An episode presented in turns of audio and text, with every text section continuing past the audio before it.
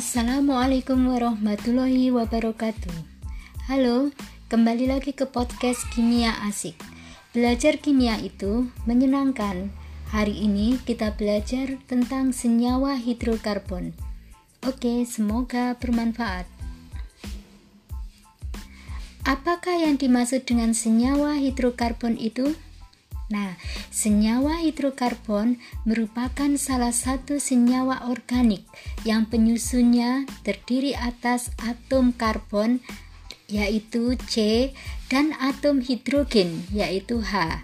Seluruh hidrokarbon memiliki rantai karbon dan atom-atom hidrogen yang saling berikatan. Sekarang, seperti apakah rantai karbon itu? Rantai karbon ada tiga jenis. Satu adalah rantai karbon terbuka yang disebut alifatik.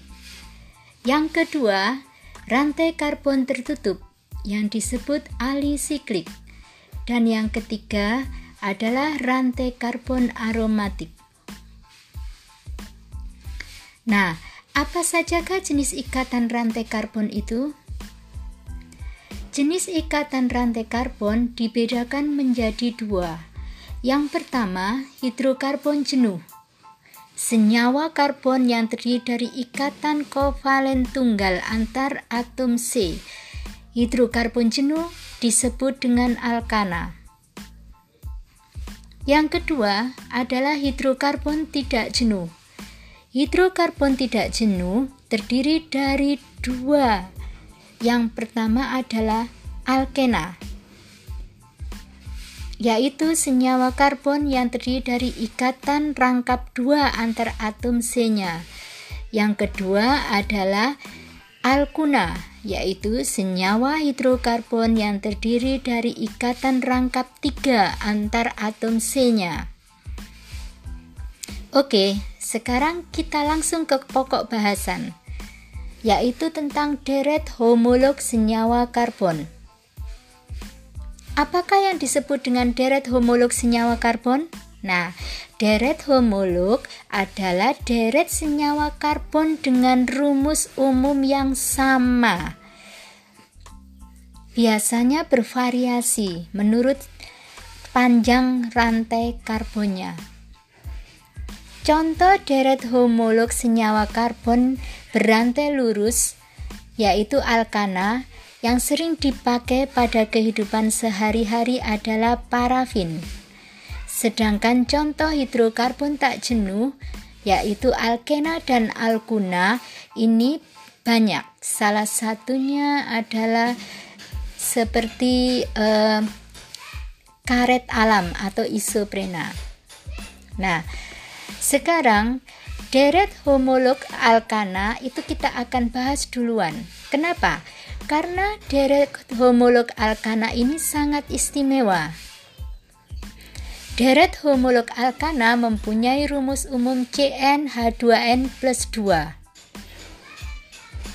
N di sini adalah jumlah atom C pada rantai tersebut. Kenapa istimewa? Karena nama-nama alkana adalah dasar penawa, penamaan senyawa karbon menurut IUPAC, International Union of Pure and Applied Chemistry. Nah, karena jumlah atom C akan sebagai dasar dari penamaan senyawa karbon yang lain. Karena itu harus dihafalkan.